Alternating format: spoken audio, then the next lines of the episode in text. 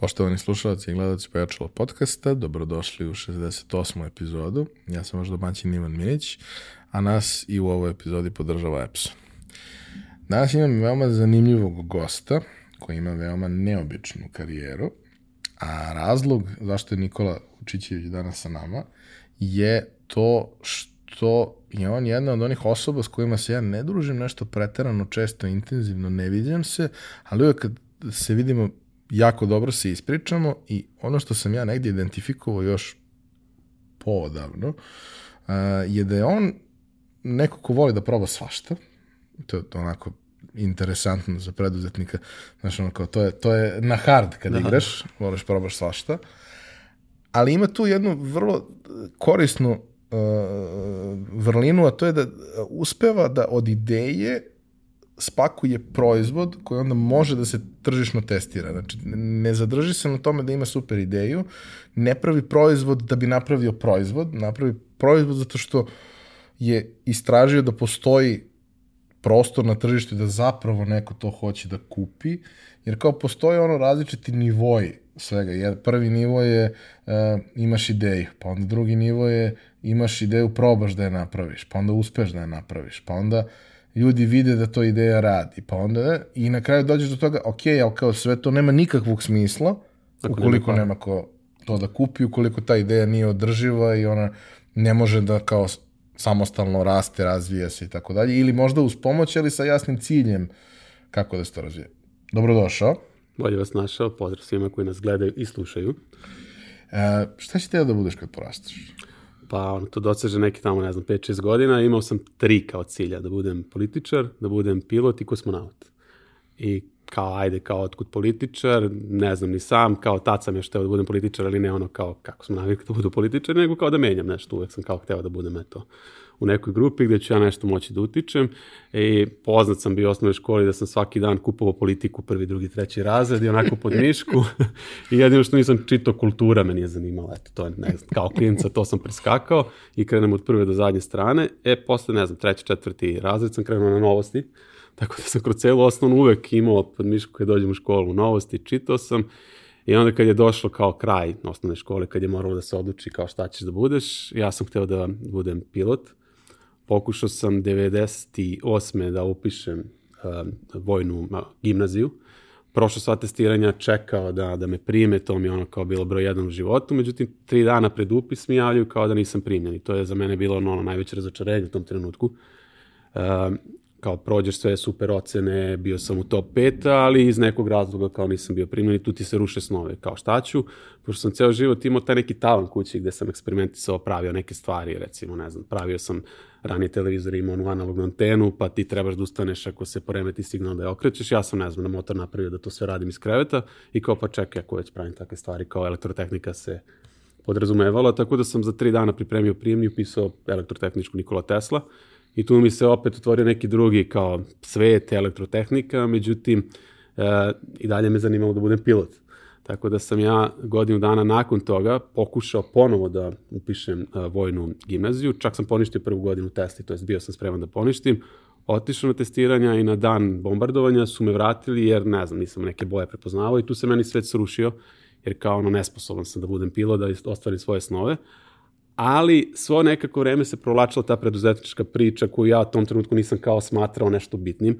Uh, u petoj, šestoj godini sam prodavao cveće na pijaci, zaradio neke pare, pa onda ne znam, prva godina srednje, između prve i druge sam radio GSP-u, zaradio neke pare, uložio Sony PlayStation, opet mi to donosilo neke pare, uh, prvu i drugu godinu sam prodavao udžbenike u školi, tu sam ono treća, četvrta godina držao praktično pola srednjih škola u Beogradu i sad nekako se to nameće ko imaš ovde si uspešan, a sa druge strane ti želiš, ne znam, da budeš političar, da budeš pilot i posle tog kao ajde, razočarenja da neću moći da budem pilot, to kosmonaut naravno više nije dolazilo u obzir, ostalo je što da budem političar, čak sam i to probao 2000 čini mi se 8. 9. sam osnovao stranka Mladih Srbije, tako da ono kao ajde da probam, registrovao stranku, uh, okupio neku onako cool ekipu, posle se promenio zakon i videli smo da ono za to je ipak potrebno i, i dosta para i da svašta nešto ono od svojih principa porušiš da bi se bavio politikom i shvatio sam da ne želim da se bavim politikom.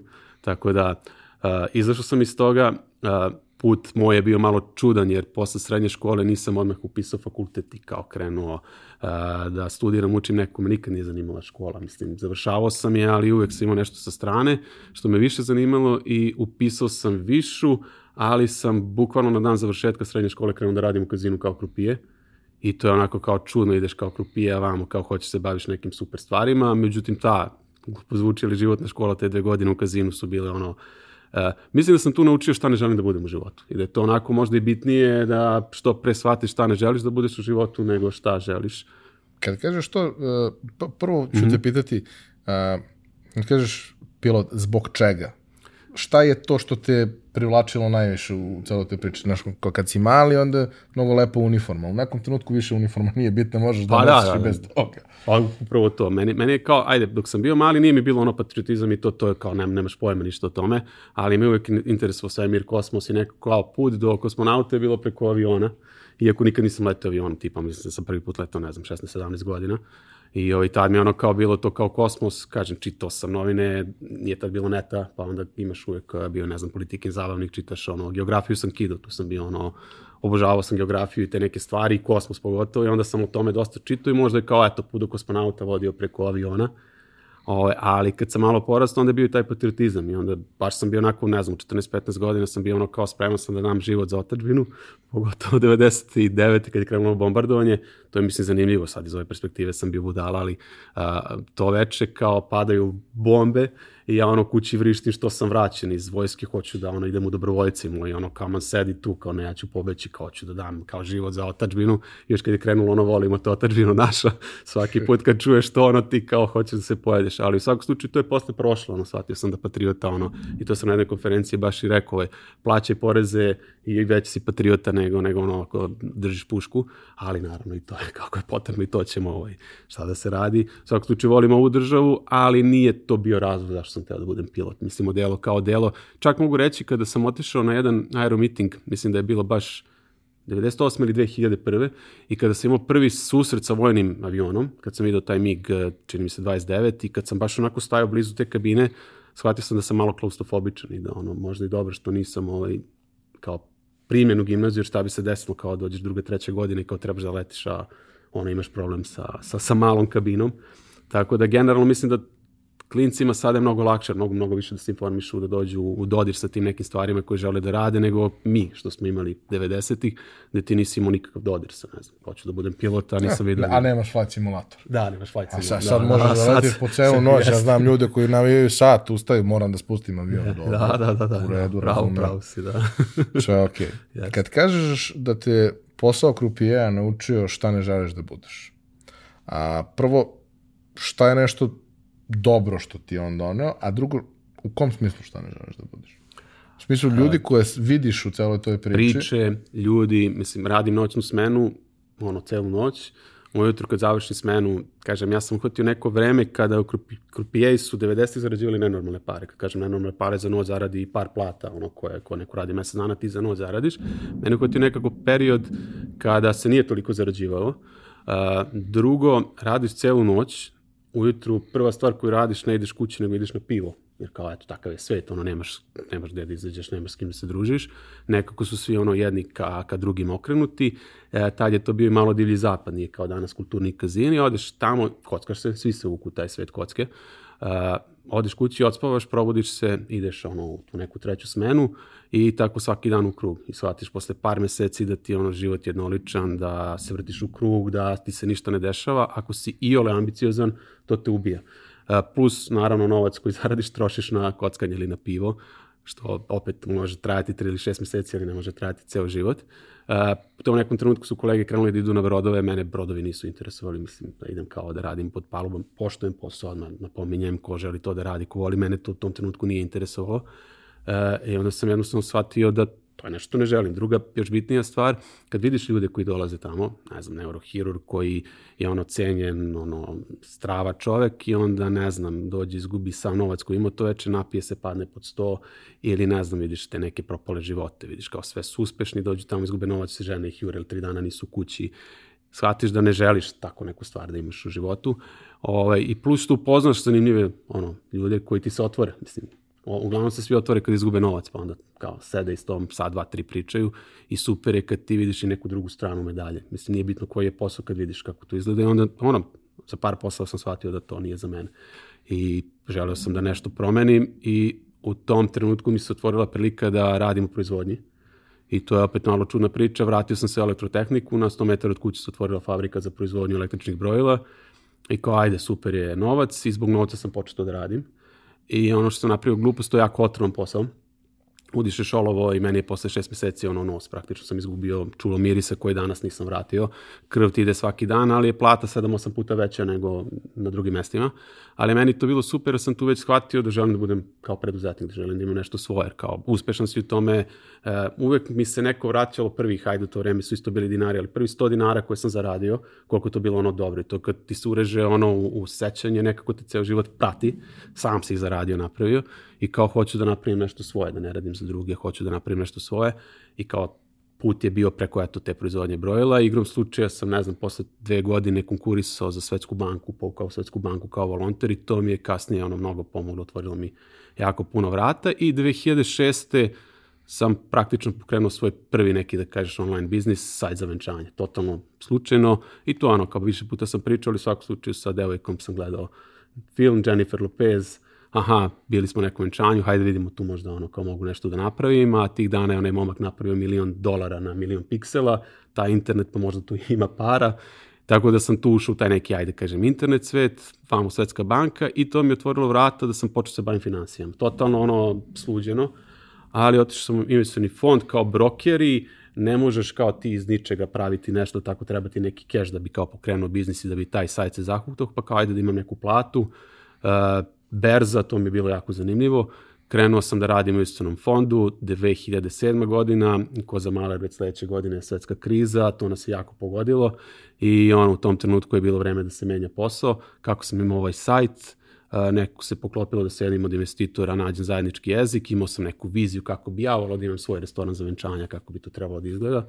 I onda je on investirao u to i tako da smo 2009. na 10. praktično imali samo papir, ja sam u, radio u fondu, ali fond se zatvarao, znači imali smo tri, dana, tri meseca da čuvamo kao prostorije fonda i onda sam ja tu praktično pravio iz ničega restoran. Apsolutno nisam imao dan iskustva vezano za restorane, od venčanja sam poznavao ljude iz tog sveta i imao sam neku ideju kako bi ja to volio da, da kao napravim i našli smo dizajnera koji nam je iscrtao taj restoran. I tu je zanimljiva priča, kao uzimamo, pravimo kao restoran, imamo reklamu i ništa sam toga, pustimo reklamu, i pojave se neki kao prvi mladenci i mi smo ih kao prve te mladence primili u kancelariji fonda i kao pokazali slike, ovaj restoran će imati ovo, imati ovo, imati ovo.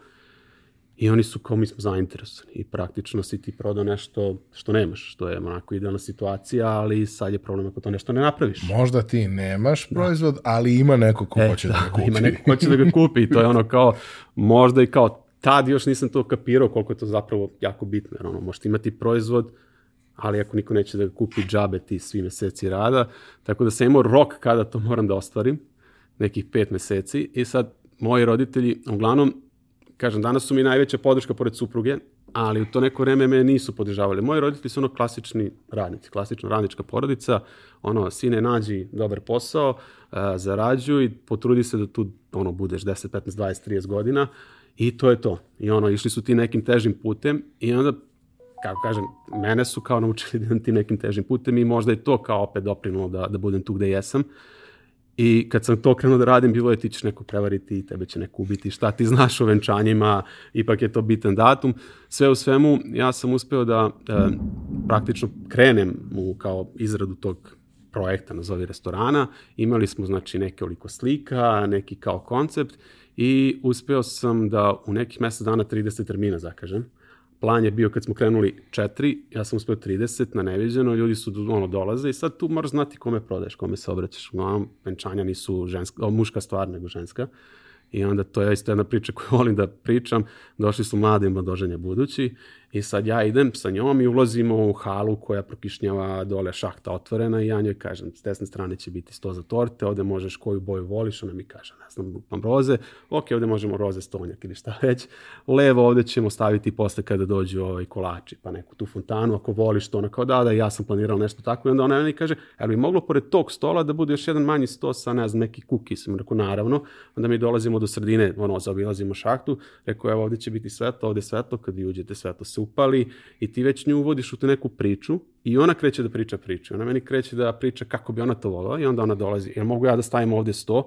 A on svo vreme stoji i gleda nas ono kao šta vi pričate, mislim, pričamo u hali koja je prazna, nema ništa, mi pričamo o nekim stolovima, već pričamo o detaljima, izlazimo ispred i ona kaže, to je to, ja uzim ovaj najlepši restoran kod sam bila ono do sad. Ona gleda kao, kao ti normalna i ti on kao kakav restoran, ovo je magazin.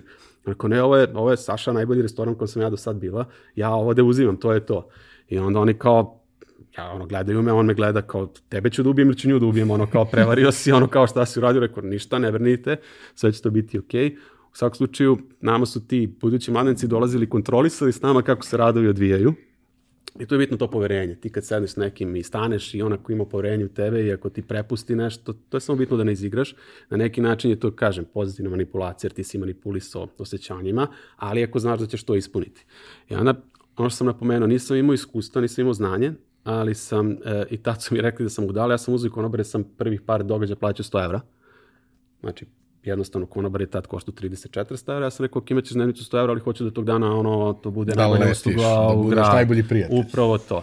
Taj neki koji nam je vodio konobar imao, mislim, 200 evra dnevnicu i on se smejao kao, daj 200 evra da me neko plati. Rekao, da, hajde, hoću 3 meseca da kidaš. Ja smo od njega uzeli to znanje, naučili, doveli do, do nekog nivoa. Ljudi su bili prezdovoljni, mi smo bili godinu i po dana unapred rasprodati. Pomerili smo granice onoga što je u tom trenutku bilo do u Srbiji, znači ono što su Srbi smatrali normalom, mi smo podigli lestvicu i napravili smo neku novu normalu.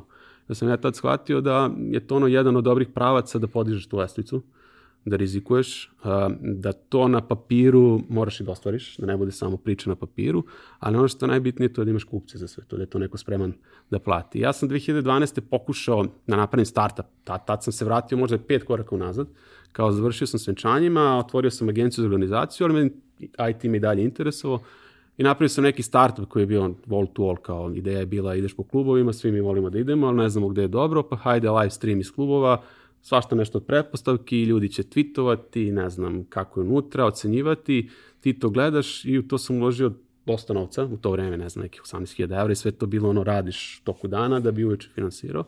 Nisam radio istraživanje tržišta, nisam pričao sa vlasnicima restorana, apsolutno ništa ono što je kao neki PS, Ne, ja sam bio ubeđen zaljubljen u taj proizvod i to će. Mislim da smo se tad i upoznali, to je bio zapravo prvi webiz, gde meni Miloje Sekulić kao video to na nekom događaju eto, za venčanja koji nema veze sa IT-em i koja imam jednog super prijatelja Vladu Kovača, pokreće neku konferenciju i kao vidim da ti radiš te live streamove, da li bi kao otišao s njim da popričaš i tad sam otišao i sa Vladom kao smo streamovali konferenciju jer to nije trebalo da bude platforma za streaming, ali kao eto, mi smo uspeli da kao streamujemo u to vreme, to bilo užasno skupo, mi smo sve besplatno streamovali I kao napravio sam neku platformu koja kida uloženi novci, ali nigde je kupac. Otišao jedan restoran u jedan klub, nikoga ne zanima autorska prava, svašta nešto. I tad kao skapiraš da to baš tako i ne funkcioniše.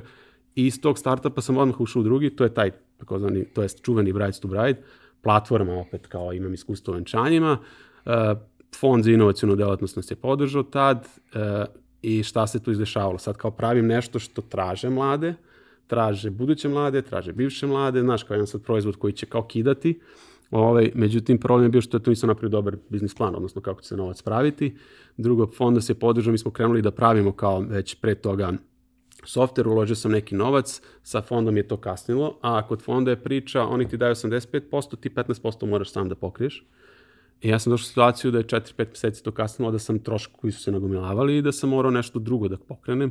I umeđu vremenu igrom slučaja sam krenuo neku drvotisakam i to je ono kao kako nastaje proizvod, kako ideja do realizacije. Skapirao sam, aha, hajde da probam da testiram pustio na net par dana, video ljudi traže, naručuju, ok, imam proizvod koji ću tek sada pravim i možda je to pravi put. Ne da praviš, ne da uložiš 18, 25, 50 hiljada evra, ako to niko neće da kupi, nego hajde da testiramo, ako ima daš neki rok kada će biti. To sam uradio sa onim čarovnim pasuljom, to je isto recimo ono zrno pasulja, koje, ne znam, na njemu ima napisano lav i ti ga zasadiš u zemlju i ono poraste pasulj sa porukom lav.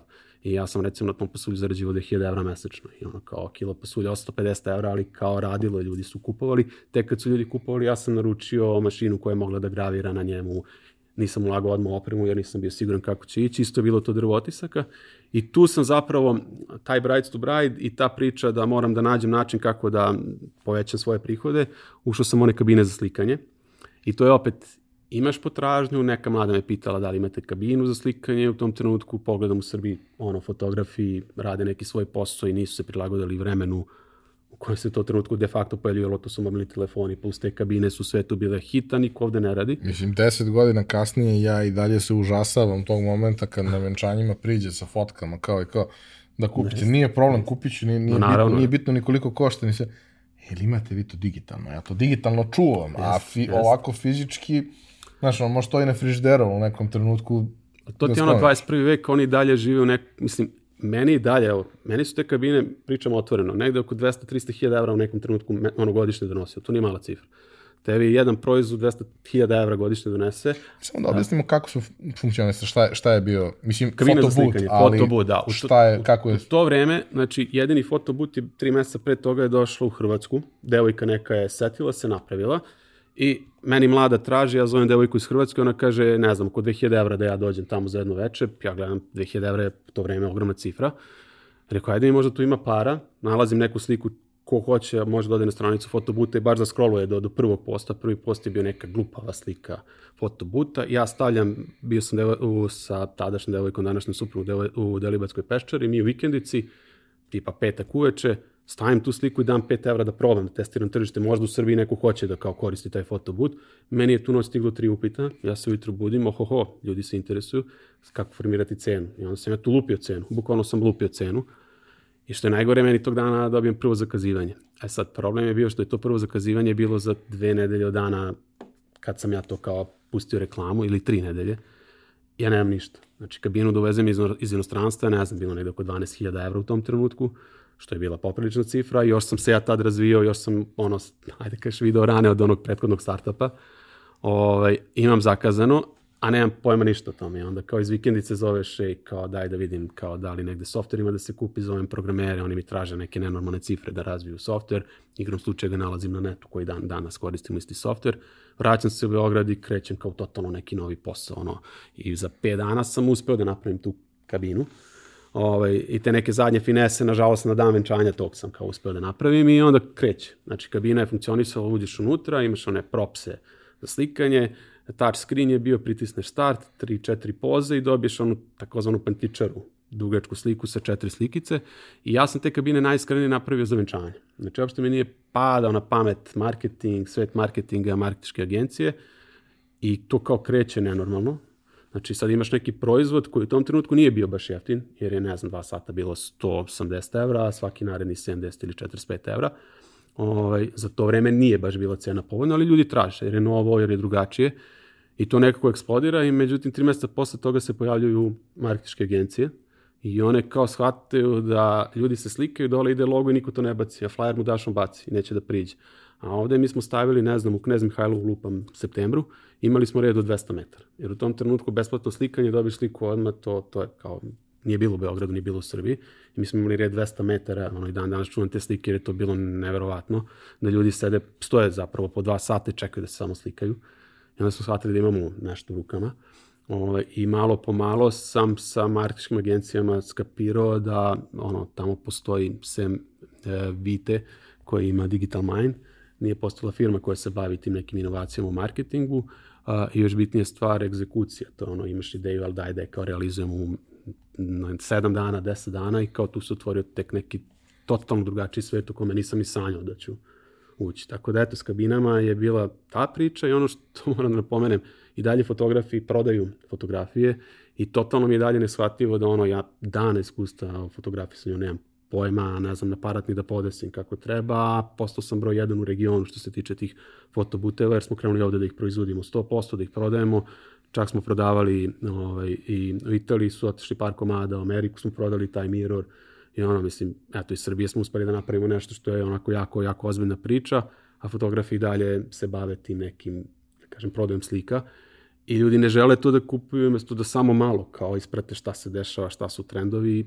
ne ono, mi stojimo i čekamo i glupo je jer ono kao takva jedna industrija gde ima novca, gde može da se poprično zaradi sa tim novim tehnologijama, oni mislim da jednostavno ne žele da se prilagode. Nije to samo u toj industriji, mislim da ima dosta industrija gde je moguće napraviti taj, ono, promrdati industriju. Pa između ostalog, evo imam ono super primjer, recimo sad za online kupovina, korona. Sad imamo kući i sad ti imaš ono tri velika lanca, tako. I pokušali smo u jednom, jel možemo i mene ili ne možemo? Slobodno. Da, pokušali smo Maxi, Maxi nema ono dostupnih termina. Uh, ideja nije imala uopšte kao online dostavu, oni su tek krenuli sad. I imaš Univer Export. I sad, kod njih smo uspeli da nađemo par puta termine, znači mi smo potencijalni kupci, tri, četiri puta smo našli termine, postali od potencijalnih pravi kupci, doneli nam nešto nisu imali, ali manje više super usluga. Evo, prošlo je, ne znam, tri meseca ono, od zadnje poručbine ili dva meseca, nas niko nije okrenuo kao da kaže, jeste zadovoljni jer hoćete. I to je ono kao malo, čekaj, imaš priliku da me preuzmeš, jer meni je maksi, imam dva maksija ono, na 100 metara od kuće, ma i manje, na 50 metara. Imam dve ideje na 50 metara od kuće, taj univer nemam nigde u okruženju. I ti umjesto da ono koji iskoristiš 21. vek, meni je mnogo lakše i dalje da kao naručujem online, jer kao napravio si mi naviku za vreme te korone, daj nastavi. Znači, ukreni me. Drugo, imaš moje podatke, naručivao sam tri puta one kao kartone Coca-Cola, znači znaš da pijem Coca-Cola, pa daj napravi s njima neku saradnju ili šta god, e imaš kupca koji kupuje Coca-Cola, dajte mu ne znam šolju ili nešto. I okreneš mi i kažeš imaš Mislim, svi se mi ložimo na te gluposti, ne trebaju nam, ali kao, eto, kao dobit ćeš šolju, ako uzmeš ponovo Coca-Cola, E, mislim da je to ono kao idemo lakšim putem, ok, ali mi imamo prodavnice što bi se mi bavili online-om kao, nego bavit ćemo se online prodavnicom tek kad kao zagusti. I evo, ideja je sad otvorila kao, ups, ideja je sad otvorila, a prošla je korona, tako. Mislim da je ono možda propušten trenutak da su otvorili radnju, eto, kad je bila korona, možda su mogli da steknu dosta novih korisnika. Tako da mislim da je dosta industrija da ne prepoznaju trenutak ili jednostavno idu ono lakšim, lakšim putem, što mislim da je totalno greška. Ne, kod velikih sistema je to vrlo izazovno, jer svi oni, nije to sad kao ideja jedne osobe, to treba da se sprovede niz hijerarhiju, a to nikada nije jednostavno, nažalost. Ovaj, I oni vrlo redko mogu da se adaptiraju nečem takvom. Dinosaursi. Skaliranje opet ni kod malih nije jednostavno, Aha. ali mnogo je lakše da si ti skaliraš kao mali, agilni preduzetnik nego kao neko ko je jako veliki, gde pritom da se razumemo, većina ljudi nema nikakvu motivaciju da bilo što uradi, jer neće njemu biti veća plata. To je ono, default pitanje. Hoće mi biti već, pa neće, pa ne, onda... Pa da, ali tržište, pazi, oni svi se bore za deo ono kolača, tako i ti imaš taj deo kolača. Ali tog jedan... to najčešće ne dotiče. Da, to je ono što treba menjati. Mislim, tu, recimo, banke su tu zadnje dve, tri godine veliku promenu napravile, su krenule da ubacuju inovacije, da ono kao ljudima olakšaju život I mislim da koliko god si dinosaurus, koliko god da si veliki ili trom, da će to ono, narednim godinama morati da se menja. Jer ono, doći će mali, ono, ajde kažem, ja to znam, ono, ljudi ludaci koji će promeniti cijelu industriju. Kažem, uzimam sebe za primjer, možda nisam dobar primjer, ali eto, fotoindustrija, ja ipak nekom uzimam od svakog to venčanja kolač, da smo mi možda bili malo fokusirani i mi bi možda napravili još neke proizvode koji bi još više sklonili fotografe, ono, kao nemojte dozvoliti da kao to se desi, ono, kao kad si već u toj industriji kad imaš znanje, ono, A činjenica je da se suštinski ništa nije promenilo 30 godina unazad. Niti ćeš 10, da kažem, ako, ako pitaš njih. Ono. Dobro, mislim, nije jednostavno, uh, ako nemaš taj mindset i ako nemaš ljude za to, nije jednostavno baviti se inovativnim stvarima. Ali kao ne moraš se baviti inovativnim stvarima. Gledaj što drugi rade i samo implementiraj to kod sebe. Uh, Ono što sam ja recimo mm -hmm. shvatio kao, kao mm -hmm. bio sam zarobljen u Americi tokom ove korone i sad kao ok, mi smo ovde pokrenuli moju pijacu, imali smo gomilu dostava, tad je baš bilo jako, jako ozbiljno, preko 100 dostava smo imali dnevno i tako dalje, to je za takav mali sistem ogroman udar, ali zbog važnosti situacije nađeš način da to, da to prosto funkcioniš. I sad gledam, u Americi postoje sistemi te vrste, ali nijedan od njih ne funkcioniše po principu na kom smo mi, a to je da si ono, one stop shop i to. Ne, ne, ne. Imaš sisteme gde ti plaćaš subscription i onda ljudi idu i kupuju za tebe. Mm -hmm. I sad ti kažeš, ne znam, hoću da mi kupuješ u Krogeru, ovo je šta treba da se kupi, isklikćeš u aplikaciji i onda ta osoba ide, kupuje i dostavi Ono što sam ja negde utvrdio tu kao gledajući kako ta, ta stvar funkcioniše, onda se vratio ovde i shvatio da su ovi sistemi za dostavu i Glovo i Volt i uveli te stvari da sad možeš kao i kod nas da kao naručiš i oni ti dostave, a, gubi se jedna jako bitna stvar, a to je da osoba koja ide da kupuje ne kupuje kao za sebe. Odnosno, ili ako kupuje tako za sebe, ok, ali to meni nije dovoljno dobro. U kom smislu? Uh, donese pokvaren paradajz, donese Da, roke meso dana, koje je da. pred, pred istekom, a nije to jedino što je bilo, nego si imao izbor, ali ne gleda, ne razmišlja, samo trpa i radi to mehanički. I onda kao, imaš nešto, funkcioniše, firma koju smo koristili, Shipt, koju je kupio Target, je kupio, kupljen za tipa 150 miliona dolara pre. I dalje ima te vrste problema, i dalje su svi nezadovoljni, i pritom satnica ljudi koji idu, za većinu ljudi je to dodatni prihod, to nije sad ono, core biznis i to, ali ima, ne znam, 18 dolara sat i prosječna satnica, ono, neka mama koja radi kao medicinska sestra, dva sata dnevno radi to da dopuni kućni budžet i kao sve cool, imaš i tip i sve, bude tu više novca svakako, a kao kvalitet usluge je Razočaravajući, no. pa na kraju krajeva. e, dovoljno loš da ti kažeš ok, ići ću samo nabavku. Pazi, za neke stvari je to očigledno cool, ću- da, ali znaš, za neke stvari, ono, mislim, evo ti Coca-Cola, čoveče, donesi mi, tako. Mislim, svi mi volimo to na iskustvo. kraju smo mi to koristili za to, kao, e, brate, stvarno ne mogu da nosim Upravo to. flaše vode i slične stvari, ovo ću da naručim, a onda kad idemo da biramo biftek, ići ćemo mi da biramo biftek, jer kao, Pa dobro, mi smo imali to iskustvo, ti dođe nešto dva dana pred istek trajanja, ti si uzeo za 10 dana, što mislim, znaš, daje na kraju ono kao, da, dobro razmisli da li ćete sledeći put koristiti za to. I onda sam ti smanjio tako i procenat tvoje zarade. Tako da, očigledno su problemi tamo i ovde slični, ono, znaš, kao nemoj da mi uvališ, nego mi daj ono što mi treba. vrlo je, vrlo je triki, opet, znaš, računaš u takvom nekom sistemu sa svim parametrima kako tamo postoje, neko zapravo vodi računa o customer experience. I vode oni računa o customer experience. Ako si ti dao negativnu ocenu, neće ti više taj dostavljač donositi, jer te niko neće pitati zašto si dao negativnu ocenu. Što je nešto što recimo možeš uvek da uradiš. Da, da, da. Kao, jest, da li ste zadovoljni i ono kao, nemoj da mu ostaviš opciju da i ne, zato što ako Da. nije baš nezadovoljan, neće reći ne. Daj mu 1 do 5. Daj mu da, od 1 do 5, daj mu mogućnost da da komentar, daj mu nešto i onda Da biram ja. deluj na osnovu povratne informacije. Jer kao, uh, ljudi su imali problem i to je loše. Još gore je ako oni kažu da su imali problem, a ti ne odreaguješ. Ako odreaguješ, ti možda budeš njihov šampion. Apsolutno. Znači, to su ljudi koji, ako ti njih ispoštuješ, oni više nikad neće kupiti kod nekog drugog. Apsolutno, a ti ako si ima ono kao i sledeći put i sledeći put, mislim, ne da nisi više opcija njihova, nego te ne, ne razmatraju uopšte. Mislim, ima to problema i kod nas i očigledno i tamo. Pa naravno.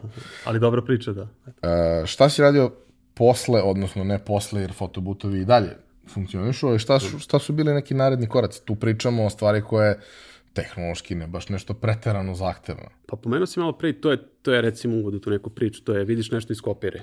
I sad kad smo mi ušli kao venčanja su ostala, venčanja su super, venčanja ti uvek ono manje više sem korone, uvek je bilo ono i bit će kao kod nas venčanja. I to se sećam i 2010. kad je svuda bila kriza, tu je bilo para. Tako da tu ono se ne štedi i nama je to super jer uvek tu imamo ono da kažeš izvor prihoda i dobre stvari radimo. I onda kao marketičke agencije shvatili smo da postoji ono velika potreba za tim inovacijama i sad šta se tu dešava? Mi dobijemo upit, ne znam, jel možete ovo? To su uglavnom bile stvari koje preko je neko kao video iz agencije kaže ajde da probamo u Srbiji.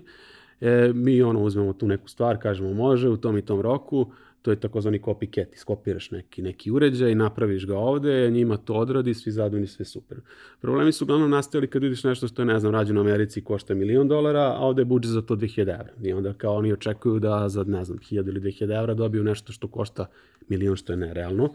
Ali opet svako možemo da uradimo dosta jeftinije ovde, što nije uvek dobro, ali ok, radi posao i ono što je bitno, rok. Ovde su uvek rokovi bili ono, danas za juče. Dosta se dobro planira, to je. Da, da, da. da. Dosta Iako znamo dva meseca, na kraju se sve svede na dan, dva, tri. To kod mog partnera iz pijace vrlo često situacija, iznenadi ga 1. maj. 1. maj ga iznenadi, iznenadi ga uskrs. Nije- nije dovoljno Kao, kao- ali godinu dana unapred znaš da treba da čekiraš samo u kalendaru te dan. Apsolutno. Da. Uvijek, je, uvijek mislim- je to, da, uvijek je to i godinama se to ponavlja. Da. I dešava se, i sve okej, dešava se svakome, ali kao, znaš, Da. u nekom trenutku upiši Pa navikneš, sebi u kalendar navikneš, to je ono kao, ako kao tom svetu plivaš, mi smo na to navikli. I to je ono kao, kod nas ono, redke situacije kad kažemo ne, o, ali ih ima.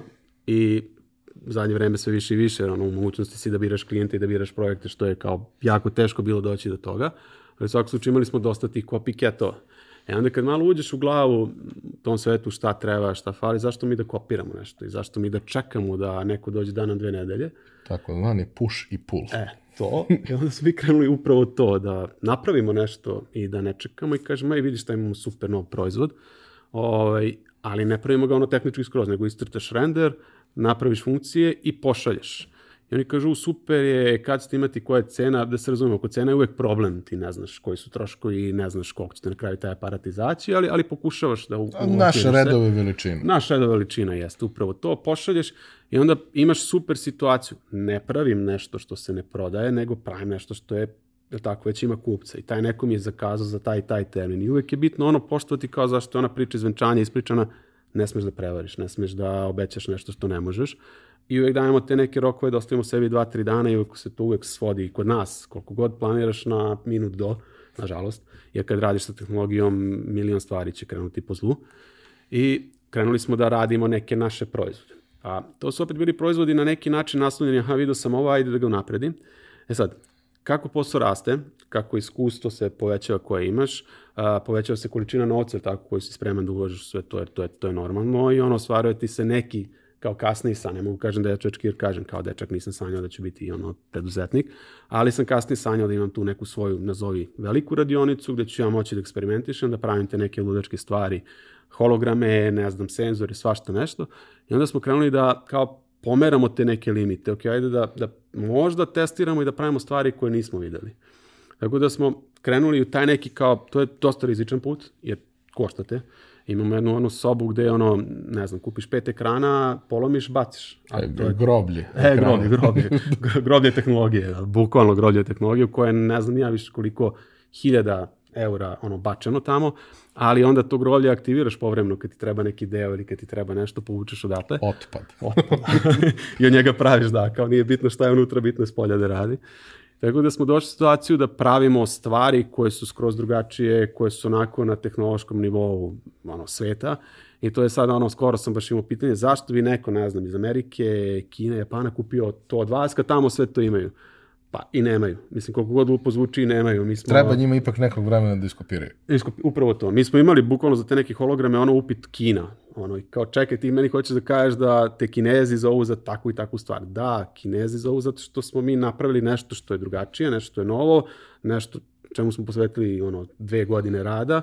Da, oni će to iskopirati za tri dana, ali ti si ga napravio, nisi uzeo iskopirao i krenuli smo da radimo takve uređaje. Sad, za to opet napominjem, treba dosta vremena, dosta iskustva, dosta novca, ja sam siguran da sve to može brže. I dosta prakse. Prakse, da, i najbitnije ljudi. Ljudi koji, um, tim, ljudi koji su sa tobom. Ja sam u početku, ono, kada sam pokretao sve svoje biznise, imao problem, to je ono nedostatak novca, kompenzuješ time da zoveš nekoga za partnera, pa onda on svoje slobodno vreme odvaja ako negde radi, da vi kao pravite neki startup i onda kao to u većini slučajeva nije uspevalo. I ono, to je, to je kao učiš. E onda u jednom trenutku sam skapirao da moram da vodim računa s kim ću raditi. I meni su recimo te fotokabine bile strava uh, rasadnih talenata. Znači dolazili su studenti koji su, ne znam, studirali biologiju, hemiju, nemaju veze sa fotokabinama, sa tehnologijom, ali ti vidiš pre svega da je on dobar čovjek. Koliko god ta faza da je neko dobar čovjek glupo zvuči na kraju je jako bitno. Vrlo važno. Da. Ovaj, znači bitno je da je neko pametan, da je dobar čovjek i da je spreman da uči. Sve ostale stvari se mogu ono korigovati, ali ako nije dobar čovjek, džabe ti sve jedno, trula jabuka, cela korpa trula. I mi smo tu imali sreću da praktično, ja sam firmu gradio dva puta, pričam ovu firmu, znači do tih kabina i posle tih kabina, praktično to, sve što je bilo do tog trenutka sam srušio, preseko tog dana rekao taj Brides to Bride više ne postoji, ne radi, to više nije ta priča, rastao se sa tadašnjim timom i krenuo da pravim nov. Nov tim je bukvalno sastavljen od klinaca bez iskustva koji su radili na kabinama, vidimo da je neko dobar, damo mu priliku da radi na nekom drugom uređaju i sad, znači, nama okosnicu čine ono ajde kažem i dalje su to moji klinci koji ono kidaju, koji su ono sposobni da dve nedelje naprave ono uređaj koji je, ne znam, ono tehnološki, ono bukvalno u rangu najnaprednijih u svetu. Kompenzujemo to naravno ne spaš po 24 sata, ne možeš. Neko bi to odradio možda za 6-7 sati ko inženjer, ali kažem većina njih e, nije školovana za ovo čime se bavi, jer kako će ti nekog školovati da pravi hologram? Mislim, kao što pre par godina nismo imali ono, content manager ili ne znam, social media menadžere, to su neka zanimanja koje nastaju, tako da i mi evo sad pravimo ove, ne znam, kabine za dezinfekciju. To nastalo pre tri mesta, ti pre tri mesta nisi imao tu kategoriju. Ti u vreme ono, virusa praviš nešto što će kao možda raditi, izmišljaš, I za to ono ne postoji fakultet, nego jednostavno ono kao prethodno iskustvo, prethodno znanje i ajde za 15 dana napraviš nešto što je totalno novo, što nije copycat, što nije kopirano, viđeno i najbitnije na kraju da radi. E, to što ste pravili, mm -hmm. primarno kada pričamo saradnju sa, sa agencijama i sa klijentima mm -hmm. koji su to koristili za evente i slično, to je nešto što ti ne prodaješ čoveku tehnologiju, ti ne prodaješ čoveku, ti mu prodaješ experience. Experience, upravo. Za njegovog gosta prodaješ experience. Uh, pominjao si da ste radili svašte, da tu bilo i, i, i nekih kopija, da je bilo i originalnih mm -hmm. stvari. Volio bi da kažeš nešto od tih stvari šta si radio, čisto da ljudi mm -hmm. steknu utisak da je to, da mi kako to funkcioniše, toga. jer kao sa jedne strane, ok, imaš fotobut, super je biznis, ali nije to, neće nikom da se cakla okice da pravi fotobut. Naravno. Ali ovde ima stvari gde Pa ajde ovako, uzet ćemo festivale, pa sad ću malo, naravno, retrospektiva. Uh, Beer Fest, prošlogodišnji, uh, mi smo pokrivali manje više 80% aktivacije, jer u agencijama se te stvari zovu aktivacije, digitalne aktivacije ili iskustveni marketing. Uh, radili smo recimo za vizu veliki kontejner koji je bio 4-6 metara, uzmeš karticu, imaš lasere i kao ono trebaš da izbegneš te lasere, da ih ne dodirneš, što kraće vreme, spustiš karticu, kartica zaustavi senzore, izmeri se vreme i jedan na jedan igraju i to je bilo kao onim filmovima o James Bondu, ti kao, kao trebaš da izbegneš, spustiš i ljudima je to bilo ono fenomenalno da su čekali isto po sat vremena da igraju. Tu smo imali a, neki uređaj koji se vrti kamera oko tebe i pravi ti neki strava klip za Instagram. Vortex kao, takozvani. Kao Matrix. Onako. Kao Matrix, da. Kao Toga Matrix. sam baš dosta viđao po, pa, po događajima, jer kad vidiš tako nešto, ko neće da uđe da se snimi? Pa u, svi vole i svi hoće da probaju. Recimo, isto zanimljiva priča. Mi smo to videli preko. Uh, postoje jedna firma koja je to napravila.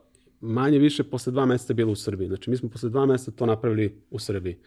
I posle dva meseca je to ono eksplodiralo, svi veliki eventi su hteli to da imaju, to nije uređaj koji ono može da rentaš za male pare, jer ono dosta nas košta, ali ono što je bitno, bili smo u rangu sa ono kao najrazvijenim zemljama. Koliko to glupo zvuči da u Srbiji je to postalo. Drugi primjer je takozvani Arabut, Dallas Cowboy su prošle godine, krajem godine, izbacili prvi kao promocija 5G, da ti staneš i pored tebe stanu, ono, odabereš četiri igrača iz Dallas Cowboy, oni se slikaju sa tobom. I ti stvarno dobiješ sliku koja je ono realna jedan kroz jedan. Da. I ono, tog dana je ono nama su eksplodirali telefoni jer ste videli ovo jer možete ovo da napravite. Iza te priče Dallas Cowboya stoji Samsung, Uh, mislim da je Samsung bio sponsor, promocija 5G mreže i nekih milijon i po dolara uloženo u to. U ceo taj projekat mi smo uspeli u roku od, ne znam, tri nedelje da napravimo to i u tom trenutku još na tri ili četiri mesta u svetu je postojalo to kao proizvod i onda smo radili, mislim da su košarkaši Crvene zvezde bili kao prvi, Znači, u Srbiji su mogli manje više u roku od mesec dana nakon Amerike da probaju slikanje sa košakašima Crvene zvezde, imali smo sa futbalerima i to je tako dobro radilo da smo trebali da radimo i ovaj, pregovarali smo Final Four u Kelnu, uh, zatim za vizu globalno u Madridu neke događaje i to je recimo nešto što je dosta ljudi probalo. Uh, Exit, prošlogodišnji, smo recimo držali 80% sponsora. Znači sve one aktivacije na Exitu, koje ne znam ko je bio na Exitu, uh, pa sve to nešto probaš, uglavnom nije čak ni svaka druga, nego većina je bilo naše. E, tu smo imali, pored tih klasičnih slikanja, imali smo, ne znam, trku dronova, malim dronovima VR naočar, nisi siguran da li to prošle ili preprošle. E, imali smo, sad ne mogu se setim, ali nekih desetak, 15 aktivacija. Da, imali smo hologramski but. To je recimo nešto nismo ni skopirali ni videli, to je nešto mogu da kažem da je bilo prvi put u svetu, da ti imaš kao hologram, unutra se svašta nešto vrti i slikate i onda neki mozaik gde ti kao slažeš slike. I to su recimo stvari, ne znam, ako odete u tržni centar i nešto na centralnom trgu da vidite da je tehnologija, nešto se dešava guža, uglavnom su to stvari za kojih stojimo, pravili smo neki virtualni akvarijum, neke sobe sa ogledalima i jedan, ajde kažem, vrhunac svega toga je ovaj selfie muzej koji smo otvorili na terazijama, gde smo želeli da kao sve te neke naše kao prostorije i te neke naše iskustva pretočimo na jedno mesto da možeš da dođeš i da napraviš cool fotke. Ali nema previše tehnologije, jer za to, ono, pričali smo malo pre, mislim da Srbija još nije spremna za jedno takvo mesto. Videli smo u Japanu, onaj Team Lab šta je napravio, mogli bi nešto tako da napravimo, ali, ali plašim se da ovde jednostavno bi to bilo apsolutno neisplativo. Da, vrlo je teško napraviti nešto gde ono, korisnik će provesti neku količinu vremena koja nije 3, 4, 5 sati, a da to treba da plati koliko bi platio neki vrhunski Jasne, koncert ili nešto slično. Kod nas jednostavno platežna moć nije takva, ali kao back to the roots, može to da se napravi i sa manje tehnologije, yes, sa manje pa da para, bude manje da. skupo, da. a da i dalje bude stvarno izuzetno atraktivno za, za sve. Mislim, ja nisam znao da je, baš smo pričali da. kad si došao, nisam znao da je tvoj projekat, ali sam se oduševio kako je sve to izgledalo kad se pojavilo. Onda vas je malo korona vas je malo pa, sporila, ovaj, poremetila, ali siguran sam da ta priča ima smisla i hoću da se vratimo mm -hmm. na nju, da dodatno mm -hmm. ovaj, e, pojasniš šta je sve business case iza toga, jer nije business case prodavanje ulaznica, to je jedan deo, ali postoji mnogo više toga, ali ono što mi mm -hmm. negde bitno da ti pojasniš, kao pravljanje proizvoda koji su za tu vrstu uh, iskustvenog marketinga, podrazumeva se jedne strane, ok, nekad radiš stvari koje su unique, i to je u da. redu, jedinstvene koje se samo tada i nikad više, to košta mnogo, ali te stvari koje, koje su takve da mogu da se recikliraju, da se mm -hmm. često po, ono, pojavljuju, da putuju po Srbiji, da tako dalje, to je vrlo bitno kad razmišljaš uopšte o proizvodu, da razmišljaš o tom aspektu, aspektu da on mora da ima lak način da se efektno brendira. Da, da, to je to što svi traže to, znači ne, ne želi ništa što ne može da stavi svoj branding, tako niko neće da plati. Ono. A i drugo, bitno je da privuče pažnju, opet, kažem, zadovoljan korisnik će te zvati opet. I ono što je bitno, pričali smo o ceni. Ti ako uzmeš taj jedan uređaj koji se vrti, niko neće dati 20-30 hiljada evra da ga kupi za jedan dan. Znači, mi kad pravimo takve proizvode, moramo da ih napravimo da mogu da se rebrandiraju i ne samo spoljno rebrandiranje, već i taj neki kao finalni proizvod koji je to snimak, da on nije svaki put isti jer neće dva brenda iz slične branše ne žele da imaju isto. I onda oni hoće, ali je kao, ajde, ako nema ništa drugo, uzet ćemo, ali da ne bude baš isto. Onda ti moraš da, pre nego što praviš to, da kažeš sebi u glavi, aha, pre nego što krenemo, ajde vidimo gde možemo da promenimo, kako možemo da ga doradimo, da on zadrži manje više 85% isto, ali da taj finalni proizvod bude različit, jer to neko hoće da plati. Ako ti njemu daš, ne znam, kupam fotobut. Fotobut je uvek isti taj mali za venčanje. Ti tu ne možeš previše filozofirati i menjati, zato je on jeftin. Ali dalje se traži. Za firme on bio zanimljiv prvih, ne znam, šest meseci, godinu dana. Kasnije su morali da dolaze upgrade koji su, ne znam, tome čarobno gledalo ili kao foto gledalo, kako već. Pa je sad taj koji se vrti, pa ne znam, najnoviji ovaj AR boot. Ti stalno moraš nešto novo jer oni neće, ne vole, kao kad je jednom, dva, tri puta viđeno. Ali što se brandinga tiče, to mora da je vidljivo, mora da postoji negde iz polja, plus unutra. Kada praviš proizvod, moraš da imaš jasnu svest šta se da traži. Je to nešto što treba da inkorporiraš u sam proizvod. Apsolutno. Da. I da tu treba da ponudiš ne jedan način, nego neko hoće nešto drugačije, da imaš razne opcije kako ljudi to mogu da urade, jer neretko tebe kontaktira agencija ili te kontaktira direktno klijent. Yes. U oba slučaja vrlo verovatno oni nemaju baš resursa da oni naprave branding za sve to. Nekad imaju, ok, ali vrlo često je to ajde vi sad nešto smislite nam ili da smislite u budžetu koliko je yes, da renta da to sve bude uklopljeno, onda ti moraš da praviš to na način da ne pojedeš sebi drastično pa, neki deo profita. Mislim da moraš biti tu, ono, sad kad si sad pomenuo, krenete agencija, mi smo imali par, par puta uh, da nam kradu ono, ti pošalješ celu ideju, ceo koncept, ono, i oni kao to naprave za manje para i kao to je super. I onda ono što sam pomenuo, zašto sad i ne prihvatamo svaku agenciju koja to uradi, mi ne radimo sa njima. Jednostavno, nekorektno je, jer ja izgubim tu ono, dosta sati za crtanje, dosta sati za razmišljanje, ti to onda uradiš u nekoj jeftinijoj izvedbi i kao ne javiš se, kao zoveš me posle dva meseca ili imaš nešto novo. I to nešto novo ima svoju cenu. Ta cena nije da ja sedem 2-3 sata, ta cena su sve ove prethodne godine koje smo mi proveli I onda, kažem, imamo tu pravilo da sa takvim agencijama ili sa firmama ne radimo, jer ono, glupo je. Meni je super, okreni mi reci nemam budžet ili jer možemo mi ovo da odradimo, nikakav problem. Stvarno smo poznati po tome da preću dati džabe, nego nešto dam ispod cene ako ne mogu da se uklopim u to. Psihološki se ne osjećam dobro kad nešto ono kao daš i gubiš. Lakše mi je da dam džabe i znam ono tog dana ne zarađujem, ali eto, testirali smo bar, bar taj uređaj.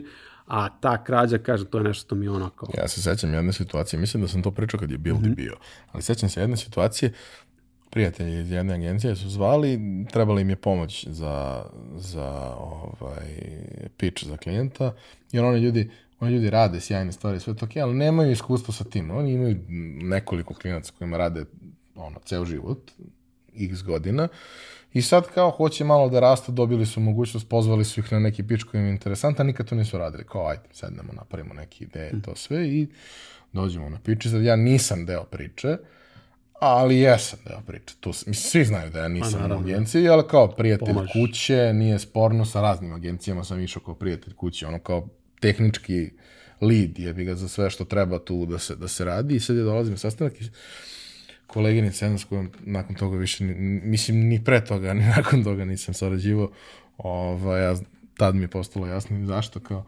gledaju, gledaju, oduševljavaju se idejama, sad, vidi, mi smo napravili nešto što, kao na svakom piču, nešto što je izuzetno atraktivno, e, dobro povezano sa brendom, neće se sve raditi, sigurno. Čak i da ono kao kažu, biramo vas, neće se sve raditi, neće imati budžet, bit će im prekomplikovano i tako dalje, ali jeste varijanta da gledaš i u fazonu si, uf, ima super stvari za jako malo para koje mogu da budu vrlo efektne, ima stvari koje koštaju, ali i te stvari su ozbiljno ono prave impakt, definitivno.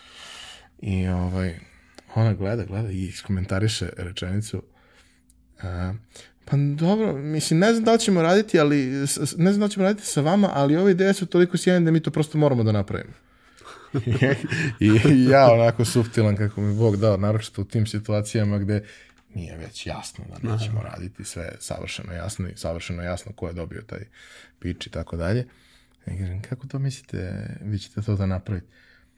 Pa mi smo ovo uradili kao da bi imali super ideje. Ne, ne, ne, ne. probajte da realizujete bilo koju od ovih ideja i garantujem vam da se će se, nećete da. dobro provesti. Na kraju nisu realizovali, istini za volju žena je relativno brzo ovaj, sugerisano je da ode sa te pozicije, što isto mislim da ne verujem da ima veze sa mnom bilo kakve, nisam ja ništa ni radio, ali moguće da su ljudi shvatili ovaj problem koji se dešava. Ali baš sam pričao sa Bildijem kao koliko je to, koliko su takve situacije meni užasne na ljudskom nivou, jer kao mi smo deo iste industrije, nemaš ono kao, e, jel neće da rade samo, s kim će da rade, ko još to radi? Pa ne, može, vidi, ja znam šta će biti sad u narednim mesecima problem, jer mi smo imali situaciju da ono, imaš podizvođače ili kako već agencije da radi in-house neke stvari. Jer kao zašto bi njemu dao 500 ili 1000, sad ćemo mi preko neta to da naručimo ili da kupimo ili da iz, iz ono. I onda tebe zove na dan kad ti to ne radi, kao dođi vadi kestenje. Dešavalo se i to. Mislim sad ti onda kao ideš kao ajde, kao ispadneš korektan iz ne znam kog razloga.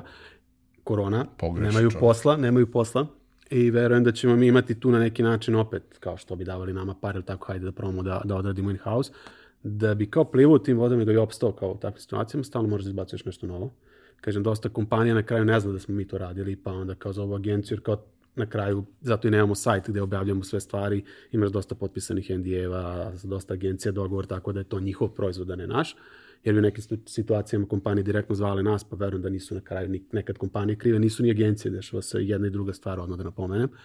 Ali kao da bi, da bi opstao u takvim vodama, stalno mora da imaš nešto novo, stalno da si, ajde da kažem, ispred vremena, ono, bar Srbije, pokrivamo region, ono, i u regionu, ono, slična situacija, da ne bude samo mi Srbi, nije, slična situacija i u Bosni, i u Hrvatskoj, i Makedoniji. Malo je problem i u samoj industriji, što si ti došao u situaciju da ti ono, advertising agencija sa svim svojim, odnosno marketing agencija sa svim svojim odeljenjima u suštini funkcioniše, preživljava na osnovu retainera gde gleda da svaki dinar apsolutno. ostane jer jednostavno troškovi ljudstva su jako veliki, a na svim ostalim ono mestima gde bi moglo da se uzme nekakav procenat nečega su klijenti toliko škrti da je to strašno i da ti ono kao, znaš kao ne znam, uh, agencije koje rade media buying, kroz koje prolazi ogromna količina novca, ja sednem i kažem mi radimo na 2%. Šta radite na 2%? Kao ad serving, sve se...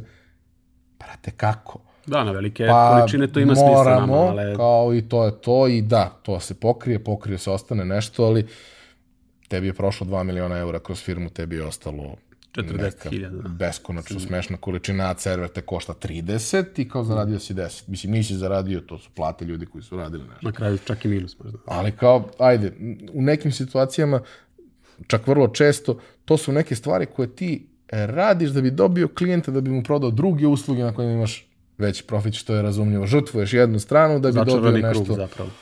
Da, i, i s te strane jeste negde razumljivo što svako gleda da ono, iskoristi maksimalno interne resurse, ali kao neko ko je jako puno radio produkciju za, za digitalne agencije, uglavnom za web, bez ovih nekih eh, tehnološki stvari koje izlaze van ono tap screena, ovaj, znam koliko je to strašno, znaš koliko su puta oni pokušavali da zaposle nekog frontendera, da bar banere ne moraju da outsourcuju Da ka drugima i slično, ali vrlo brzo shvatiš da to ne održi. Pa naravno, vrati se kod tebe, ali to je problem taj trenut kad se vrati kod tebe. Znaš, ti, ono što sam rekao, zašto odbijamo? Ti kad imaš ono mnogo veću potražnju nego ponudu, a dešavalo, meni je decembar ono mesec gde, ne znam, ako u januaru zaradim lupam 30.000, u decembru zaradim 150.000 evra. Pet puta više u odnosu na sve. I ti tad moraš da odbiješ, jednostavno ne stižeš i onda sad već imamo tu situaciju da nas neko već stavi u plan, ali dolaziš u mesece da jednostavno dobiješ sve veće i veće projekte i da ti ne možeš da prihvataš bilo koga. I onda, ok, ajde, ispoštovat ću te, što se kaže, ovaj, i imaš neku listu, jel tako? I sad, kad se tebi neko javi ko te ne znam, prevario ili kako već, naravno da si tu 15 i 20. Cena više nije isto za tebe. Mislim, na kraju krajeva u Americi milion, ok, da da, prošli put je bilo 5000, da nije isto. Mislim, pričamo o nekoj dugoročnoj saradnji, vi ste to ono, pregazili.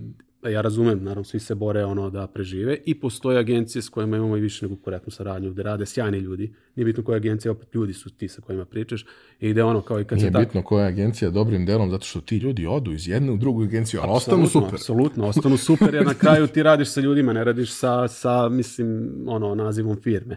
I ti strava ljudi, zbog njih, čak i kad se desi takve stvari, to se ispegla, kažem, u većini slučajeva postoji naravno tamo gde se ne pegla. I meni je strava kad imaš takav odnos i okrenete i zato moraš imati poverenje. Slušaj, imam taj taj budžet, to meni mnogo olakšava, nego ono daj mi ponudu, pa onda sečemo 15 puta. Za to moraš stvarno imati ono 2-3 godine nekog rada da bi taj neko došao i rekao ti evo ti ne znam 15.000 evra i da, da zna ti nećeš 15.00, 15.000 evra toliko košta. Ne, ako mene nešto košta 3, ja ću reći košta ti 3, ovi 12, ok, višak ti je.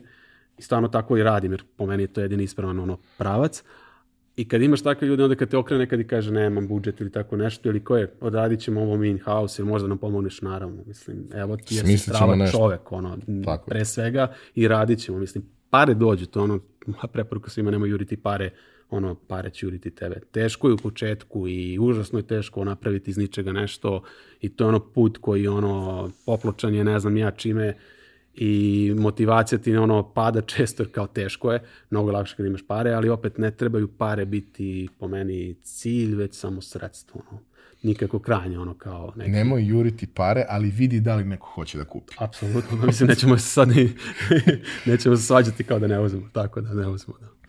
A, za kraj bih volio samo da malo više popričamo o uh, Selfie muzeju kao projektu. Uh, upravo zato što pričamo o nečemu što je prilično revolucija na ovom tržištu. Dakle, postoje možda po svetu neke lokacije, ali to nije bilo ono copycat varijanta, to je bila varijanta m, imate već neko bogato iskustvo, imate neke ideje šta i kako, hajde da vidimo da to konkretizujemo, sa ciljem da to ima svoju publiku, ali i sa ciljem da se to u perspektivi širi dalje.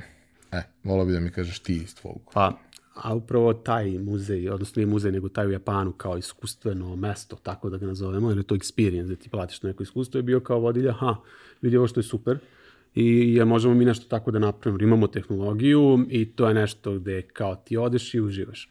I ja sam krenuo sa tom nekom kao pričom, sa tom nekom idejom i krenuo sam da računam koliko bi to koštalo, šta bi se desilo kad bi ovo, kad bi ovo, znači da pokušamo da smanjimo troškove svega toga i da napravimo u Srbiji, onda smo skapirali da to ovde ne može da prođe. I onda kao ajde da vidimo koje su alternative, Uh, umeđu vremenu smo postavili u jedan tržni centar to neku iskustvenu kutiju gde si ono ušao i hologramske ribice i meni se javio gospodin iz Zagreba i kao hoću da kupim ovo ono da stavimo dolu Dubrovnik kod turista I onda smo seli i on je zapravo skapirao šta mi sve možemo da radimo, kao imao ideju da napravi neki muzej, ne znam, izgubljenih veza ili tako nešto. Uh -huh. ovaj, da se nam rekao, slušaj, ja ću to napraviti, izući ti pare, a to ti je osuđeno na propast. A, ja planiram u Beogradu da otvorim to, to i to u nekom trenutku. I on je rekao, ajde napravimo zajedno. I sad, zašto mene to privuklo? Inače ne volim partnerstvo, ali kao ajde da probamo. E, zato što smo pričali da napravimo međunarodnu franšizu. I ideja je bila, pošto je on advokat, može sve to zaštiti, ja se time nisam bavio, meni to oduzima vreme i mrzim papirologiju. I kao, hajde da napravimo nešto što će biti međunarodna franšiza. Može, ali uslov je da ne pravimo copycat. Znači da ne pravimo, imaš, ti selfie muzeji su popularni zadnjih, ne znam, pet godina. U, okruženju se otvorio u Budimpešti i u Beču i to je to u regionu, ih nema još u eksi u zemljama. Uh, hajde da napravimo nešto malo drugačije. Nešto će biti malo tehnologije, pa ćemo posle dodavati, nešto će biti na visokom nivou, jer neću da pravim jeftine stvari, ipak ja u toj industriji pravim ime već dugi niz godina, podižem lestvicu i ne želim da ovde bude kao nešto što je jeftino i što je već viđeno. I onda smo ušli zajednički priču i moj uslov je bio da se ja ono, bavim tim delom, da ja osmišljavam i da radim sve to. Tako da je godinu dana trajala priprema svega toga i mi smo krenuli, problem je bio prostor. Ne možeš ti staviti jednu takvu stvar na 300, 400, 500 kvadrata predgrađe, neće ljudi ići, ne zanima ih. Uh, mora da bude centar što zbog domaćih, što zbog stranaca, mora da ima neke minimalne uslove, visinu i to ti kao selfie ne možeš da praviš na metar i po, sve to mora da bude dobro. I drugo, ne može da bude jeftino u smislu ti kad uložiš puno para, to mora da košta, da to bude iskustvo i ne sme da bude gužan. To ne može da imaš 100 ljudi oko tebe se motati tu 3 sekunde za selfie, nećeš ga uraditi, treba ti bar minut, 2, 3, 5. I e, sam, sama potraga prostora je bila poprilično mučan posao, jer ono, ti imaš ovde svašta nešto tih prostora, ali su ili iseckani ili mala visina. A, tehnologiju to me nije brinulo, tu smo znali otprilike šta i kako i u glavi sam imao koncept kako bi to trebalo da izgleda. U svakom slučaju našli smo arhitekte firme koje će to realizovati i negde posle dugih priprema u novembru smo krenuli da to pravimo sa ciljem da to bude završeno do, do kraja decembra, da krene da radi. Našli smo strava prostor u centru grada bez ista na terazijama. Krenula je realizacija uh, i šta smo tu hteli da unesemo. Znači ti ulaziš i ono, imaš selfie, ali hajde da ubacimo i zvukove, hajde da ubacimo i mirise, hajde da ubacimo uh, i to neko iskustvo i ono što najbitnije, od prvog dana je postojala ta kontrolna soba gde se sve meri koliko se zadržavaš negde, koja čina svetla, a, drugo, ako neka postavka nije dobra, odnosno ako ljudi ne provode vreme, hajde da je menjamo, jer ideja je bila na 3 do 6 meseci da se takve postavke menjaju i da mi imamo nešto za ove ključ u ruke, dođe neko ko želi da otvori uh, selfie muzej u Pragu, da to ne bude klasičan selfie muzej kao u Beču, jer Beč je iskopirao taj neki u nisam siguran da je u Americi. Manje više svi su iskopirali taj američki. Ti kad pogledaš tih deset muzeja liči jedan na drugi. I to je ono, odeš u Beč, pa hajde nešto drugo da živi u Budimpešti, ne, manje više slično. E, ja nisam teo da u Beogradu imamo e, copycat. I kad neko dođe, dajemo ti ključ u ruke, reci nam koliko prostora imaš ili ćemo mi naći prostor, a, zašto je bitno ovo merenje, koliko se ko zadržava. Zato što i sponzori žele da se pojave tu. Znači, doći će, ne znam, upan Coca-Cola, uzet će jednu sobu i Coca-Cola želi da ljudi dele njen selfie, tu ne treba da bude flaša Coca-Cola, to ljudi neće raditi. Znači, treba da bude u okviru cele postavke, da to ima nekog smisla, ali svako ko strava postavka, staće i slika će se i podelit će tvoj brend. I da bi Coca-Cola došla, ona mora da ima neke metrike koliko ljudi je posetilo. Drugo, ti ako radiš kampanju, tamo imaš tako tačno koliko njih kliknulo na reklamu, ne znam koliko se zadržalo, kako ti u selfie muzeju u Buječu imaš tu metriku, nemaš. Oni su nešto stavili i tamo je došlo hiljadu ljudi, na Instagramu se pojavilo 10 slika i to je to. Da li je to dovoljna metrika? Nije. Uh, dakle, mi smo krenuli da pravimo proizvod koji će moći da se, da ne bude samo selfie muzej. Ti možda napraviš bilo kakav iskustveni muzej, selfie muzej, muzej za klince ili neko iskustvo za klince, ali ono što je bitno da to ima i razne metrike, da kad platiš, znaš da šta pamet. si... Pamet. bravo, da, to je prava reč.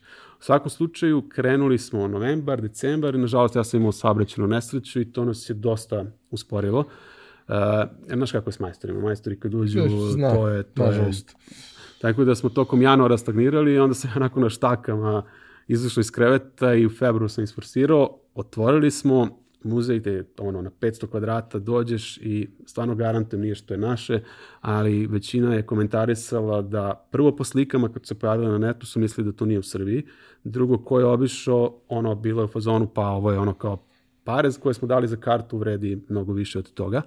Uh, I ono što je bitno, kao će biti nešto novo za 3-4 mesta da mi možemo ponovo da dođemo. I to je strava kad ti neko plati i želi ponovo da ti plati da dođe ponovo.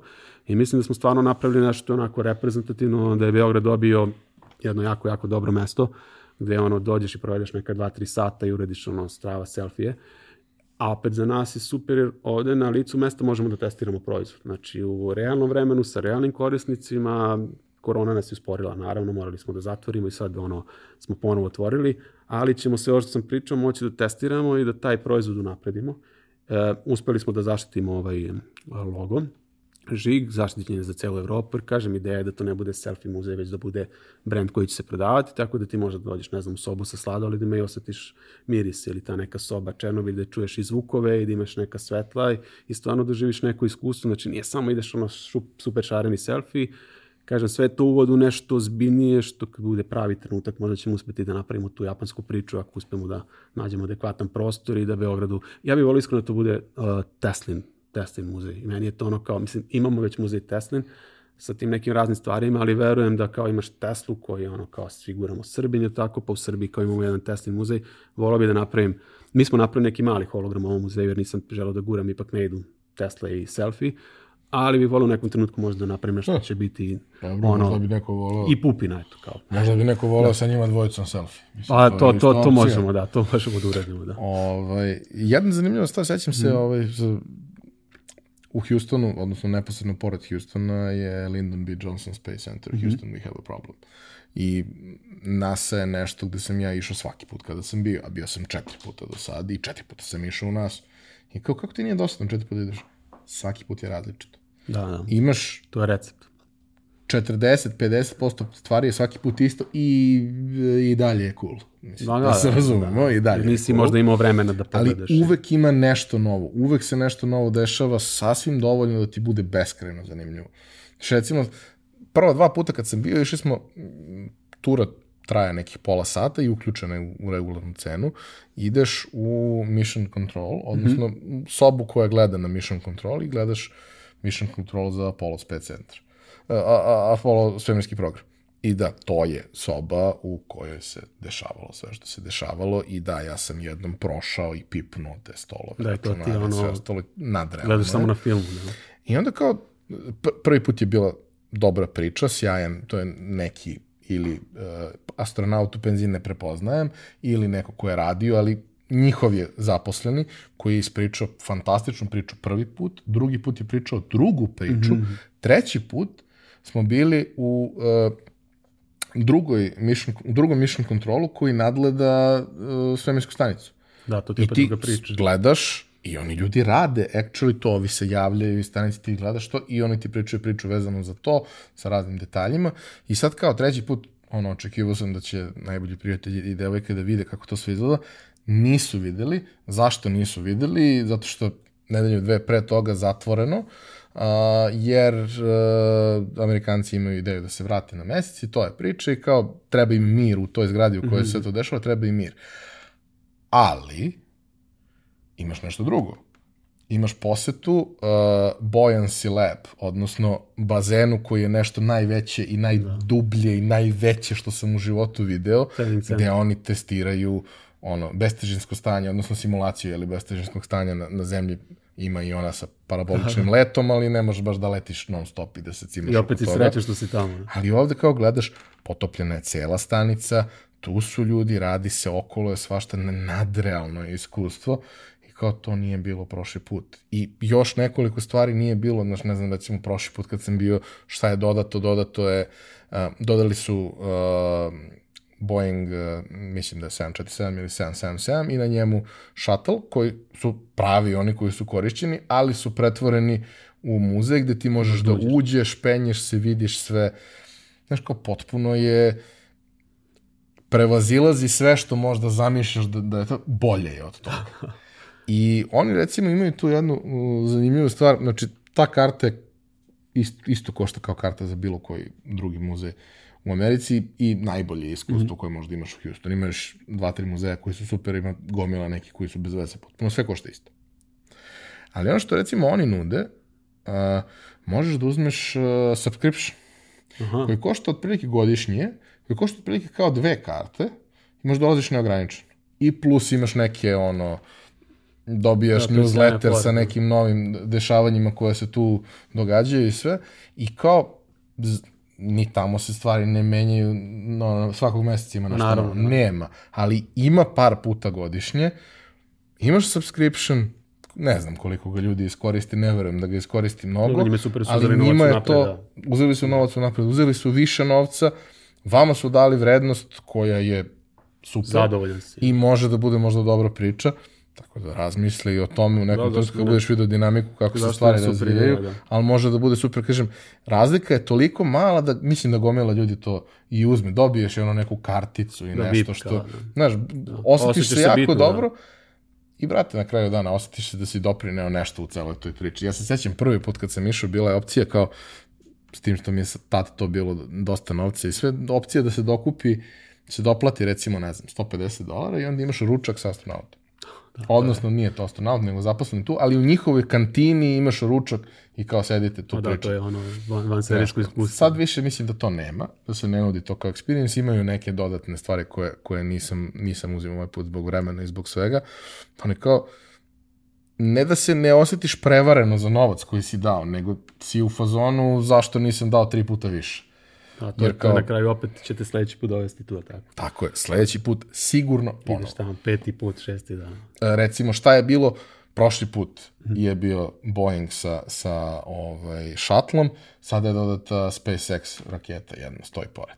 Da, Znaš kao, je- mislim, ne Videti, postoji, da, ne da ok, ja nisam teo da budem pilot kad sam, kad sam bio mali, ali jesam hteo da radim u NASA i nisam se nešto ložio da budem astronaut, ali me je ložilo da radim u NASA i sećam se kad sam rekao majci kad je ono kao postalo izvesno da verovatno neću raditi u NASA kao otići ću ja radit ću u NASA makar kao čistač, Da, da, da, Kao, jednog ali, dana, ali u da. NASA. Ovaj, nisam otišao kao čistač, ali sam kao bio četiri I puta video, i da. doživeo neverovatne stvari i imam želju da odem ono, u Bajkonur da vidim i to. Kapiram da je potpuno Drugačije, drugačije, da, da, iskustvo, ali jednostavno želim to da vidim jer je meni Buran bio ono preinteresantan projekat, to sve, ali dobro, da, da, ne, da ne pričamo sad dalje to, pošto nije, nije tema. Uglavnom kao, ti neki zanimljivi modeli koji postoje, koje kao na prvu loptu ti ne znaš što bi muzej davao subscription, ali opet, ako Ne, je smisla, dovoljno smisla, dinamično, ako se dovoljno menja, zašto da ne? Može da ima, može da ima nekog To smisla. je super ideja. Uh, jel imaš još neki projekat koji nisi pomenuo, a volao bi da ga pomeneš da ti je drag? Pa ja, mislim, sad kažem drag, drago mi je ovo što smo uspeli korona. I to je ono kao staje ti posao, staje sve i ono, vidiš da se nešto dešava. I ono, super mi je što sam sa timom uspeo za dve nedelje eh, da napravim tu neku kabinu za dezinfekciju, zapravo nije samo kabina, napravili smo ceo niz tih nekih proizvoda. Tunel. E, Ovo je baš kabina koja Mhm. ti meri temperaturu, ima vrata koja ti ne dozvole da uđeš ako imaš temperaturu. Ako nemaš temperaturu, otvore se, uđeš unutra, radi dezinfekciju cijelog tela, pustite sa druge strane.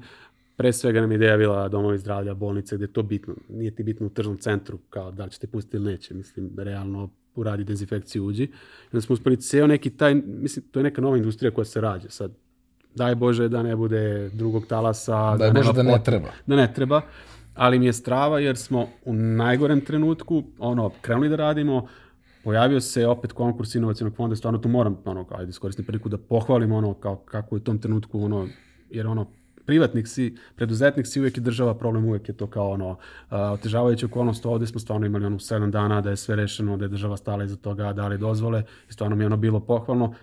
Za dve nedelje smo uspeli da napravimo nešto što je otišlo dole u Nišu, čaje, što je, eto kažem, ne mogu kažem spasa, spašavalo živote, ali je doprinelo kao par malo. Strava mi jer smo opet usvojili neke nove tehnologije, jer si ono kao shvatio da sve što si znao do tog trenutka ne može tako, pa smo onda morali da naučimo. Znaš, ti sediš dve nedelje, radiš dan noć jer imaš neki rok, uh, ono, ljudi umiru, niko ne izlazi, a ti kao imaš problem do tri ti rade radnje, nabavi delove. Aha, pa sad više ni nema delova, ne može inostranstvo da ti dođe. Sad to te natera da vidiš ono kao kakav potencijal imaš u firmi kao ljudi koji će, ne znam, od ove čaše napraviti rezervoar za, za taj neki kao dezinfekcijno sredstvo kao, aha, pa s kakvim ljudima radimo, drugo kao u dve nedelje napraviš nešto, to je svetski proizvod, kao stvarno ponosan si na to, kažem, daj Bože da se nijedna ne proda, daj Bože da uopšte nemamo posla, da to ne postane kategorija, ali mi je strava da pomenem da eto, kao ušli smo u nešto što uopšte nije bila naša struka, što kao ti je strava, jer kao šta god da se desi, opet ti ljudi sa kojima radiš, ono, su spremni da ono, posle 24 sata pod punom ratnom opremom, maskama, rizikuješ, ipak rizikuješ da se zaraziš i ti dolaziš i praviš nešto i to pa- praviš punim srcem i ono kao sad izlaziš posle, evo, mesec i po dana, aha, sad imamo novu tehnologiju koja kao ako se sve vrati u normalu, a nadamo se da će se vratiti, mi smo sad napravili nešto što će nam u budućnosti doprineti sa novim tehnologijama, još svašta nešto da možemo da pravimo, što pre toga nismo ni sanjali da kao možemo otvarati nov horizont. Meni je genijalan moment da kao imaš situaciju da si napravio si nešto i sad to treba da isporučiš i montiraš i kao trebaju ti, ideš u COVID bolnicu, trebaju ti kombinezoni, treba ti sve i imaš kombinezone zato što imaš Černobil sobu u muzeju Da, to je bilo- i imaš to je bilo- deset to je bilo- kombinezona za potrebu te sobe. Što je kao. najgore, što je najgore, pošto je ta Černobi sobe, sad morali smo kao kad smo je pravili, naravno nije ni bilo pomena kao, i sad kao uzeli smo te kombinezone i mi smo uzeli onu UV boju i njih isprskali UV bojom. I sad mi ih uzimamo kao i treba da idemo dole da montiramo bukli, oni isprskani onako, kao šta da se radi, kao ovo je boja nije štatna i to je to nisu bili baš novi, ali kao ljudi su... Ali su odradili Ali su posao. da, završili posao, da, tako da. E, pa hvala ti. Ništa, hvala, Hvala tebi. ti na, na priči, verujem da ćeš uh, motivisati i inspirisati neke mlade ljude koji možda ne žele da postanu piloti i nisu želeli da postanu piloti, ali su želeli da se igraju malo više sa tehnologijom, ovaj, da zapravo Probaju. ti možeš da se baviš ovde, da zapravo postoji mnogo toga što možeš da uradiš, iako postoje i neke stvari koje možda o, ne možeš, ili makar ne možeš odmah, Ne možeš ovdje, tako bi pre rekao, ne da ne možeš ovdje. Ove, ali da tu zaista postoji neki prostor i mislim u krajnjoj liniji uh, svako ko je zainteresovan za tako nešto može da ti se javi Apsolutno. i za ono, mentorstvo, za pomoć, za ono savjet, ja sam tu stvarno uvek otvoren, to je ono, davo sam, ajde da kažem, zajednici, sad se stvarno trudim da vraćam. I eto, ajde za kraj da kažem, mislim da mi u Srbiji nismo svesni šta sve ovdje imamo, ono, poznajem jako, jako veliki broj ono, preduzetnika koji prave ono nenormalno dobre stvari, povremeno se to pojavi, ne znam, kad prodaju firmu ili kad, ne znam, naprave neki baš uspeh, ali stvarno ono, mislim da imamo sjajnih Rade ljudi, ljudi- rade ljudi sjajne stvari i ćute. I ćute, to je, to je možda najbitnije, ono, ne moraju svi na Facebooku i na Instagramu da znaju šta radiš, gde si, šta si, kako u svakom trenutku, jer ono, po meni je, znaš kako, možda ovo glupo zvuči, ali kao da bi bio preduzetnik, možda imaš ovo, ovo i ovo, a ovo tek treba da dođe na kraju, a ne ovo, ovo, ovo i na kraju se to svodi samo na, na priču, a rezultati ništa. Pusti priču, priča dođe samo. za one koji slušaju samo audio prenos pokazuje na glavu, srce i testise. A, Da. hvala ti što si bio. A, hvala Epsonu što nas podržava i nakon ovaj, korone i nadamo se da će to ostati tako. Nadamo se da ćete i vi nastaviti da nas gledate kao i do sad i da ćete nam slati e, vaše komentare, ideje, predloge, jer na kraju dana mi ovo radimo za Bog vas i ako nemamo tu povratnu informaciju i ako ta povratna informacija govori da ne radimo kako treba, zaista smo spremni da to promenimo i da to bude bolje. Hvala vam na pažnji i gledamo se i slušamo sledeće srede.